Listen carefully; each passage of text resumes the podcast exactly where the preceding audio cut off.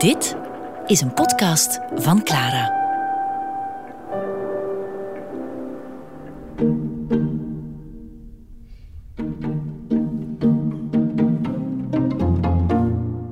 Bruegels eerste biograaf, Karel van Manders, schrijft in 1604, dus ruim 40 jaar na het overlijden van Breugel, dat hij zijn opleiding gehad heeft bij Pieter Koeken. Dat was een zeer belangrijke kunstenaar die heel goede contacten had aan het hof van de keizer, onze grote keizer, Karel V, en ook aan het hof van de landvoogdes, uh, Maria van Hongarije, die dus in naam van de keizer over de Nederlanden regeerde. Kortom, voor die man gingen er veel deuren open. En hij was zelf ook al de leerling geweest van een andere hofschilder. Dus we zien Breugel eigenlijk in een soort dynastie van hofschilders. En dat idee dat vloekt een beetje met het cliché dat wij kennen van de boerenbreugel. Een boerse jongen uit een klein dorpje die een beetje op goed geluk wat andere boeren begint te schilderen en die daar succes mee heeft. Nee, nee, hij passeert eigenlijk langs dat hele hoofdse milieu. En Koeken was ook, um, ja, een heel veelzijdige man. Dus hij was schilder, hij was in Italië geweest, hij kende de Italiaanse schilderkunst, maar hij was ook geïnteresseerd in theorie. Hij vertaalde in het Frans en in het Nederlands Italiaanse boeken over architectuurgeschiedenis. Dat is niet niks toch?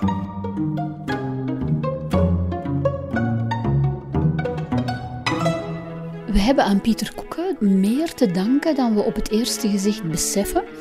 Dus door zijn vertalingen van die boeken van Serlio over architectuur, zijn eigenlijk de woorden architect en architectuur in onze taal ingeburgerd geraakt.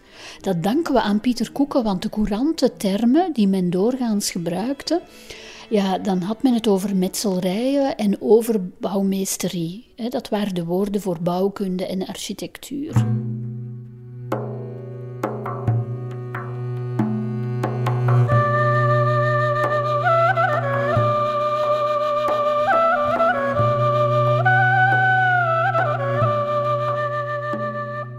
We weten dat hij in 1533 een reis heeft ondernomen naar Constantinopel, dat hij aan het hof van de sultan geweest is in Constantinopel, Istanbul moet ik zeggen, eh, het hof van uh, Suleiman de Prachtlievende.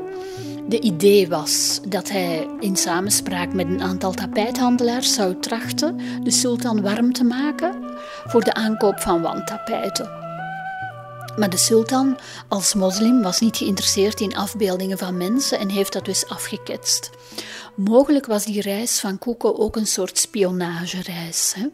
Het was een heel verre gewaagde reis en ja, de keizer, Karel, hoorde graag van reizigers, wie ze ook waren, wat er in dat rijk van de sultan allemaal gebeurde. Koeken heeft daar later uh, een prentenreeks over uitgegeven, dus waarin hij verschillende etappes van zijn reis en verschillende gezichten op Istanbul toont. En dat boek is uitgegeven postuum door zijn echtgenote Maaike Verhulst.